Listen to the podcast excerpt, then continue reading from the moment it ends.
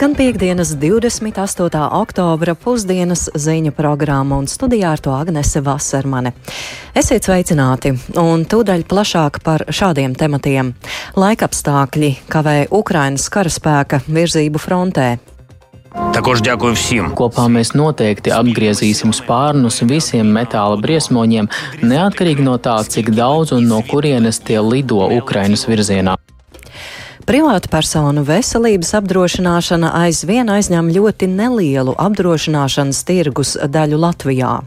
Un, lai gan insulta gadījumu skaits mūsu valstī kopumā mazinās, joprojām garas rindas uz rehabilitāciju un jāgaida dažkārt ir uh, 3 pat 4 mēneši. Ir arī šādi pakalpojumi, ko sniedz iestāde par maksu, bet arī tur ļoti bieži ir tomēr jāgaida. Šie tikai daži no tematiem, par ko vēstīsim līdz pulksten pusvieniem.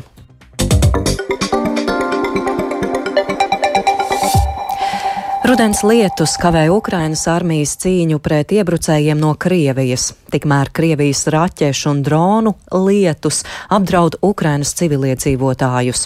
ASV paziņojušas, ka Ukraina tuvākajā laikā saņems modernas pretgaisa aizsardzības sistēmas. Savukārt Starptautiskās atomenerģijas aģentūras inspektori Ukrainā pārbaudīs Krievijas apgalvojumus, ka Ukraiņu rīcībā ir tā dēvētās netīrās bumbas. Par visu vairāk stāsta Uldis Česbergs. Ir sākusies kara Ukrainā 247. diena. Lietaino laikapstākļu dēļ ir piebremzējušās Ukrainas armijas pretuzbrukuma operācijas frontes sektoros valsts austrumos un dienvidos. Luhanskas apgabala kara administrācijas vadītājs Serhejs Haidais apgalvo, ka ar smago bruņu tehniku ir grūti pārvietoties, tāpēc dažkārt vienīgie, kuri virzās uz priekšu, ir kājnieki. Tikmēr Krievija turpina triecienus pa Ukrainas civilo un kritisko infrastruktūru. Ukrainas prezidents Volodimirs Zelenskis paziņojis, ka kopš februāra Krievijas Krievijas armija ir veikusi apmēram 4,5 tūkstošus raķešu triecienu un vairāk nekā 8 tūkstošus aviācijas uzlidojumu. Papildu draudus rada Irānas droni Kamikadzes Shahid. Pēdējās divās dienās notikuši 30 dronu uzbrukumu mēģinājumi, bet ir notriekti 23 lidaparāti. Pie viena no tiem Zelenskis teica savu ikvakara video uzrunu. Я дякую вартовим нашого неба. Також дякую всім, хто долучився до збору коштів на ловців. Es pateicos mūsu debesu sargiem, es arī pateicos visiem, kur iesaistījās līdzekļu vākšanā, lai iegādātos šādu šakidu ķērājus. Kopā mēs noteikti apgriezīsim spārnus visiem metāla briesmoņiem, neatkarīgi no tā, cik daudz un no kurienes tie lido Ukrainas virzienā. В напрямку України. Ворожі літаки будуть падати. Kritīs ienaidnieka lidmašīnas, kritīs ienaidnieka helikopteri, kritīs šahidi. Tikai Ukrāņu tauta nekritīs. Не впаде тільки український народ. ASV aizsardzības sekretārs Lloyds Ostins informējis, ka novembra sākumā Ukrainas rīcībā varētu nonākt pretgaisa aizsardzības sistēmas NASAMS. Ostins norādīja, ka Ukrainai pašlaik visvairāk ir nepieciešams tieši pretgaisa aizsardzības aprīkojums, lai varētu atsist Krievijas raķešu un dronu uzbrukumus. Viņš arī apliecināja, ka ASV kopā ar sabiedrotajiem turpinās strādāt pie tā, lai pēc iespējas ātrāk nodotu Ukrainai pēc iespējas vairāk pretgaisa aizsardzības sistēmu. Mediji vēsta, ka šodien ASV izsludinās jaunu militārās palīdzības paketi Ukrainai 275 miljonu dolāru vērtībā, taču nav sagaidāms, ka šajā paketē būs iekļauti jauna veida ieroči. Visticamāk, ka Ukraina saņems tūkstošiem munīcijas vienību, kas ir paredzētas līdz šim piegādātajām ieroču sistēmām, tostarp sevi ļoti labi apliecinājušajām reaktīvās artilērijas raķešu iekārtām Haimars. Startautiskās atomenerģijas aģentūras eksperti pēc Ukrainas valdības lūguma tuvākajās dienās Ukrainā apmeklēs divus kodola objektus, kur, kā apgalvo Krievija, slepeni esot izgatavotas tā dēvētās netīrās bumbas. To paziņoja aģentūras vadītājs Rafaels Grossi. Vienu no objektiem mūsu eksperti apmeklēja septembrī. Tā bija pētniecības iestāde netālu no Kīivas. Šai vizītei bija labi rezultāti. Šo vietu pārbaudīs vēlreiz, lai pārliecinātos, vai tur ir pārstrādāti kodolmateriāli, no kuriem varēja iegūt konkrētus izotopus - cēziju un stronciju. Tas būs ļoti detalizēts darbs. Esmu ļoti pateicīgs Ukrainas valdībai par atvērtību. Man bija ļoti plaša diskusija par šo jautājumu ar Ukrainas ārlietu ministru Dmitro Kulebu. Viņš nonāca pie secinājuma, un es tam piekritu, ka labākais veids, kā kliedēt jebkādas šaubas, ir ielaist inspektorus. Grosi piebilda, ka aģentūras eksperti ar saviem secinājumiem nāks klajā dažas dienas pēc pārbaudēm. Vakar notika kārtējā ANO drošības padomes sanāksme, kurā Krievijas pārstāvji atkārtoti apgalvoja, ka Ukraina savā teritorijā gatavojas izmantot bumbu, kas var saturēt radioaktīvus materiālus. Krievija līdz šim nav sniegusi ticamus pierādījumus saviem apgalvojumiem, bet Rietumvalstis un Ukraina Krieviju apsūdz dezinformācijas un sazvērestību izplatīšanā. Uldis Česberis, Latvijas radio.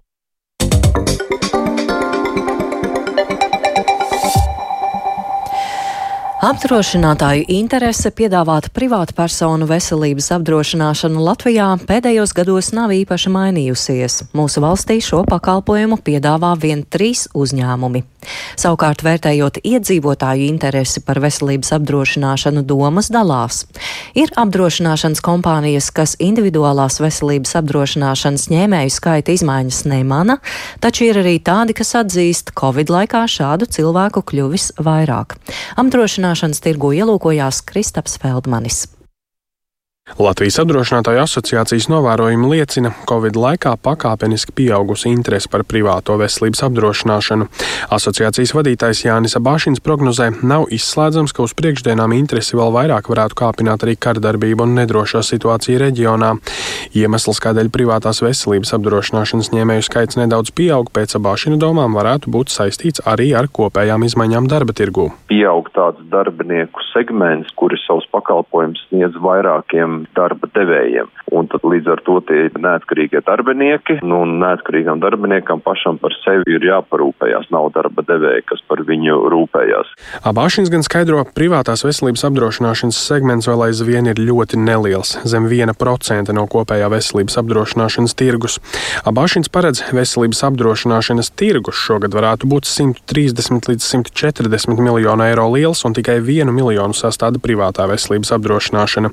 Šo pakalpojumu piedāvā piemēram IF apdrošināšana. Arī uzņēmuma pārstāve Elīna Ozoliņa neslēpj, privātpersonu apdrošināšanas tirgus pat tiesi ir neliels, taču interese aug. Šogad varam novērot tendenci, ka privātpersonu interese par veselības apdrošināšanu pieaug un jaunu klientu pieaugums šogad, ja mēs salīdzinām ar to pašu periodu pērn, ir aptuveni 30 līdz 40 procenti. Uzņēmumā pieļauj, ka kāpums saistīts ar vairākiem aspektiem. Pirmkārt, pieaug veselības aprūpes izmaksas, otrkārt, aug darba tirgus tirgus kā tāds, tostarp Latvijā ierodoties arī ārvalstu darbiniekiem, un treškārt no klientiem nākoties dzirdēt, ka agrāk apdrošināšana nodrošinājusi darba vieta, bet nu šāds atbalsts atņemts.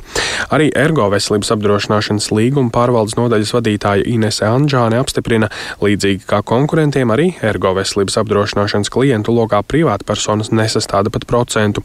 Īpatsvara izmaiņas nav radījusi arī Covid krīze, taču pandēmija gan radījusi citas izmaiņas, turpina Anģāne. Cilvēki izmanto aktīvāk labāk veselības apdrošināšanu. Tieši šajā sadaļā es gribētu teikt, ka Covid uh, ietekme ir redzama, jo posms, kurā šo pakalpojumu nevarēja saņemt, ir ietekmējis arī šī brīža situācija, kad cilvēki aktīvāk izmanto. Un tātad kroniskas slimības, viss tas, kas varbūt nav bijis pieejams, līdz ar to arī, ka, protams, ka cilvēkam ir jāmeklē ārstnieciskā palīdzība un uh, pieauga kartes izmantošanas biežums. Latvijas apdrošinātāju asociācijas vadītājs Jānis Bašins skaidro, tas, ka šajā brīdī privāto veselības apdrošināšanu piedāvā vien trīs uzņēmumi, atspoguļo pieprasījumu. Ja apdrošinātāji jutīs intereses kāpumu, tad nākotnē šajā tirgu konkurence varētu palielināties. Uz to skeptiski gan raugās apdrošināšanas kompānijas Balta valdes loceklis Uldis Dzinters.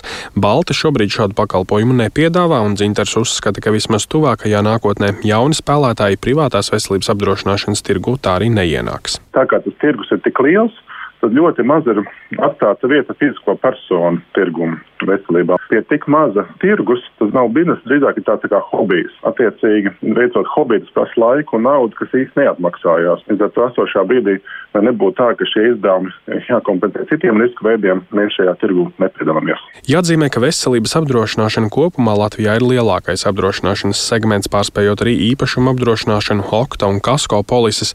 Bez tam veselības apdrošināšanas tirgus Latvijā ir lielākais arī Baltijas valstīs, taču privātā veselības apdrošināšana aizvien sastāda ļoti niecīgu tā daļu. Kristaps Feldmanis, Latvijas radio.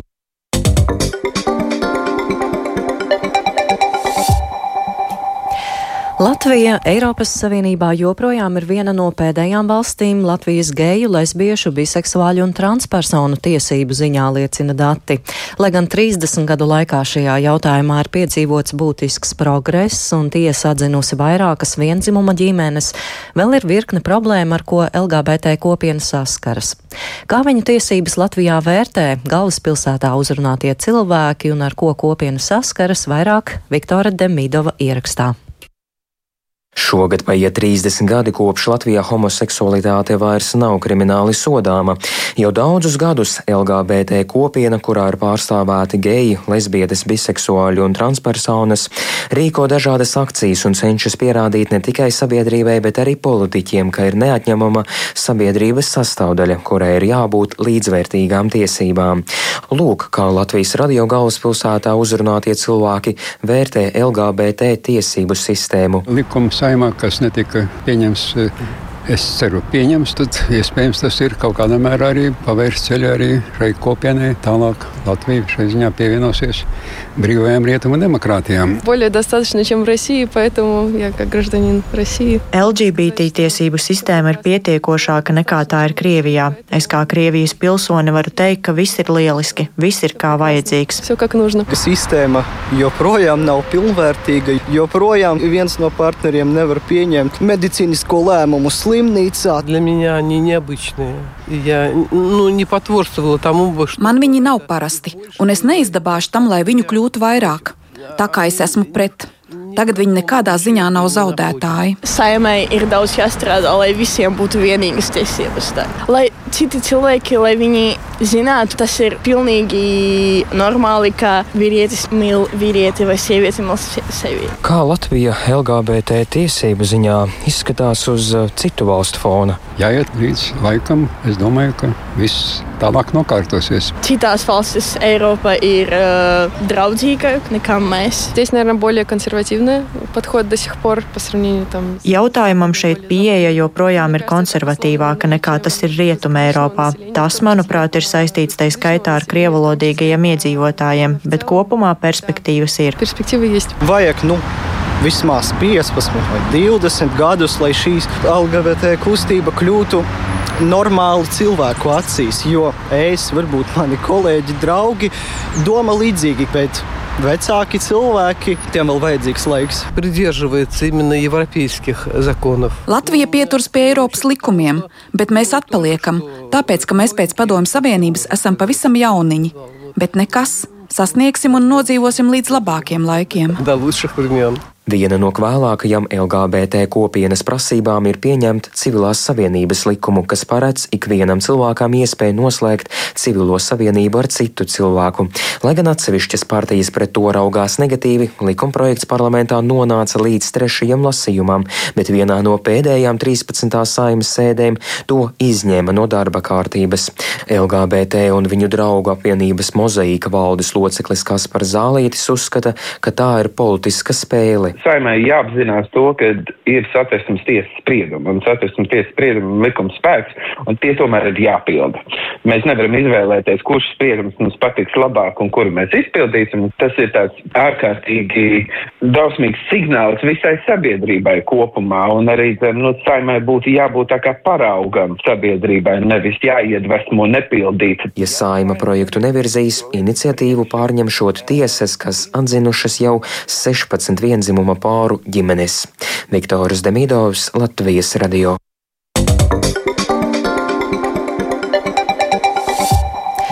Un turpinām ziņu programmu. Ik gadu kopumā Latvijā slimnīcās nonāk apmēram 6,5 tūkstoši insulta pacientu.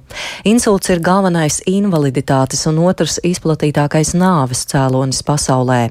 Lai arī Latvijā tā gadījumu skaits kopumā sarūk, joprojām veidojas garas rindas uz rehabilitāciju. Insultu gan var arī novērst, ievērojot veselīgu dzīvesveidu un veicot regulāras pārbaudes, kam šodien, insulta dienā, ir veltīti īpaši izglītojoši pasākumi Stradiņa slimnīcā. Plašāk par šo tēmātu Sintīs Ambotas ierakstā. Insulta gadījumu skaits Latvijā kopš 2015. gada sarucis par vairāk nekā 2000, un pērn slimnīcās ar insultu stacionēta ap 6500 pacientu. Stradiņa Kliniskās universitātes slimnīcas ārste profesora Evija Miglāna norāda, ka šis skaitlis gan joprojām ir liels, turklāt insultam var būt arī letāls iznākums. Tā rezumējot, tad gandrīz viena piektā daļa tomēr zaudē dzīvību šīs slimības rezultātā. Mūsdienās ir pieejamas ārstēšanas metodas, kad insultu var ārstēt un var izņemt trombu no asinsvada vai var izšķīdināt ar zālēm, un tikai tas, ko mēs prasām no pacienta tajā gadījumā, ir atbraukt saulaicīgi uz slimnīcu. Tas ir pirmajās stundās. Biežākie insulti, jeb asinsvadu nosprostojuma galvas smadzenēs simptomi ir vienas ķermeņa puses vājums vai paralīze, grūtības vai nespēja runāt un saprast, ko saka otrs cilvēks. Un atbilstoši šiem simptomiem ir arī tā saucamais ātri tests. Jā, tātad, ko tas ātri nozīmē? atsmaidi, paskatīties, vai cilvēkam nav šķības sēja, T, tad turi, liek paturēt abas rokas, ja viena noslīd, tad tas liecina par vienas ķermeņa puses nespēku, R, tad runā, liek parunāt vai pajautā kaut ko, lai saprastu, vai cilvēks spēj saprast, ko viņam saka, un tad, ja ir kāds no šiem trīs simptomiem, tad izsauc ātro palīdzību. Savukārt pacientu organizācijas par sirdi vadītāja Inese Mauriņa iezīmē, ka insulta sekas bieži ir saistītas ar kādiem funkcionējošiem traucējumiem, taču valsts finansētās rehabilitācijas pieejamība ir ierobežota gan garo rindu, gan speciālistu trūkuma dēļ. Un jāgaida dažkārt ir uh, 3 pat 4 mēneši. Ir arī šādi pakalpojumi, ko sniedz iestāde par maksu, bet arī tur ļoti bieži ir tomēr jāgaida. Un ko mēs redzam, ka tā ārstēšana ir nu, visvairāk tomēr pašu tuvinieku ziņā, un mēs esam arī ievietojuši mūsu mājaslapā praktiskus padomus, kā apkopt pacientu mājās pēc insulta. Tas ir jauns materiāls, ko radījuši neirologi, un ir arī materiāls par speciālu uzturu, kas tiek no valsts kompensēts un ko var saņemt pacienti, kuriem ir pēc insulta problēmas, kas saistīts arī ar rīšanu. Nacionālā rehabilitācijas centra vai arī fizikālās un rehabilitācijas medicīnas ārste Inga Tanenberga apstiprina, ka insulta pacientu plūsma ik gadu ir liela, bet nodaļā arī fiziski nepietiktu vietu, lai uzņemtu vairāk pacientu. Par to, vai tas ir finansiāls jautājums, nu, būtībā ir tā, ka ir 44 vietas, jau un vairāk vietas, kur mums izvietot pacientu vienkārši nav. Vaivar, protams, ir vadošais Nacionālais rehabilitācijas centrs. Mums ir arī dažādas e, iespējamas tehnoloģijas, kas varbūt nav šajās reģionālajās slimnīcās. Un tas ir mans personīgais uzskats, ka būtībā pie visām lielajām slimnīcām, reģionālajām slimnīcām, kur tiek sniegta akūta palīdzība, palīdzību pacientiem, ir nepieciešams veidot uh, subakūtas rehabilitācijas nodaļu. Stradiņa slimnīcas jaunajā korpusā insulta dienas ietvaros šodien līdz pulksten diviem interesantiem būs iespēja uzklausīt speciālistu ieteikumus un arī veikt pamatmērījumus insulta risku mazināšanai. Lai piedalītos pasākumā, līdzi jābūt FFP2 respiratoram. Sinti Ambota, Latvijas radio. Un turpinām par veselību, kas, diemžēl, mēdz aizvest arī līdz tiesu lietām. Proti, veselības ministrijai, trenerim un sporta klubam būs jāizmaksā 40 tūkstoši eiro liela morālā kaitējuma kompensācija kādam nepilngadīgam hokeistam saistībā ar viņam nodarīto kaitējumu veselībai. Tā ir lēmusi augstākā tiesa. Nepilngadīgajiem jau 11 gadu vecumā ārste noteikuši atvieglotu fizisko slodzi, bet treneris to nesot ievērojis ievērojis. Pēc viena no treniņiem jaunietis zaudējis samaņu, viņam iestājusies klīniskā nāve. Neatliekamās medicīniskās palīdzības brigāde tad viņu ir atdzīvinājusi, bet šobrīd cietušais ir kļuvis par otrās grupas invalīdu. Un vairāk par šo nelaimes gadījumu mums šobrīd tiešādē gatavs pastāstīt kolēģis Mārtiņš Kļavenieks. Labdien, Mārtiņ! Labdien, Agnes! Labdien arī Latvijas radio pirmā kanāla klausītāji! Jā, kas tad ir zināms par šo lietu? Jā, nu visu šīs dienas uh, rīta puses pavadīju noskaidrojot dažādus elementus saistībā ar šo lietu, un tas, kas ir zināms, tas, ka sākotnēji prasība tiesā bija pret hokeja treneru, sporta klubu, arī Latvijas valsti, šajā gadījumā veselības ministriju par morālā kaitējuma kompensāciju vairāk nekā 700 tūkstoši eiro apmērā sakarā ar veselībai nodarīto kaitējumu un sakropļojumu.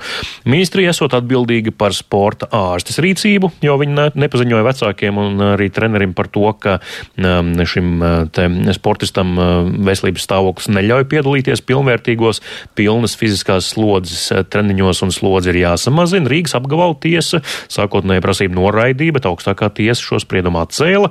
Nu, un izskatot lietu apelācijas instances tiesā trešo reizi, tad arī nolēmts, ka ministrijai, klubam un trenerim kopā visiem būs jāsamaksā cietušajiem jau tevis minētie 40 tūkstoši eiro. Augstākā tiesa pagaidām plašākus komentārus par šo lietu nesniedza, bet piekrita to darīt vēlāk šodien. Ziņu apskatā tad sešos vakarā jau arī dzirdēsiet plašāku skaidrojumu. Pašlaik ir zināms, ka cietušo un viņa ģimeni tiesā aizstāvēja advokāts Agris Bitāns. Viņš šobrīd savukārt atrodas komandējumā ārpus Latvijas, tāpēc pagaidām Latvijas radio mm, ar viņu sazināties neizdevās, bet es sazvanīju viņa biroja vadītāju un mm, biroja vadītāja sacīja, ka jā, viņš ir atvērts runāt par šo tēmatu un tik līdz kā vien būs iespējams, ir gatavs sniegt plašāku savu komentāru. Savukārt Latvijas Hokeja federācija Latvijas radio pauda, ka šobrīd visiem bērniem pirms treniņu uzsākšanas jābūt ārstā atļaujai nodarboties ar šo sporta veidu, tāpat regulāri jāveic arī obligātās veselības pārbaudes.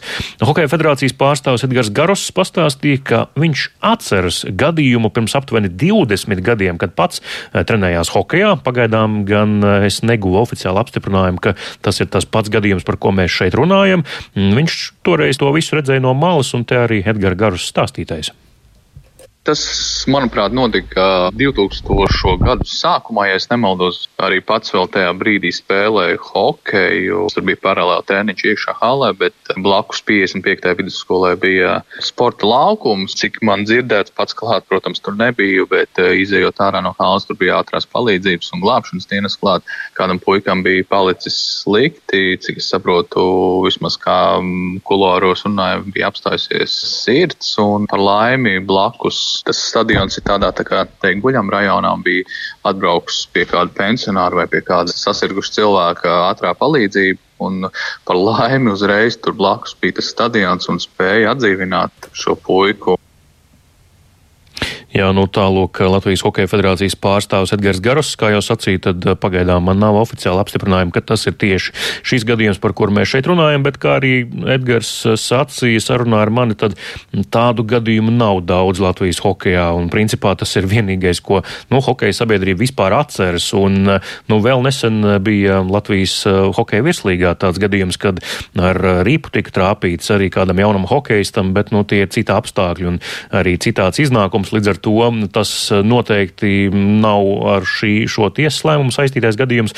Tā kā turpinās šķetināt šo te mm, visu mm, lietu un stāstu ap to, un tad jau, eh, kā jau sacīju, vakarā ap sešiem ziņu apskatā varēsiet dzirdēt vairāk Agnese. Jā, paldies! Sazinājāmies ar kolēģi Mārtiņu Kļavinieku, kurš tātad turpina ievākt informāciju par šo gadījumu, par ko vairāk tātad uzzināsim dienas notikuma apskatā pulksten sešos vakarā. Galvenokārt jau tāpēc, lai censtos panākt to, lai šādas lietas vairs nekad neatkārtotos.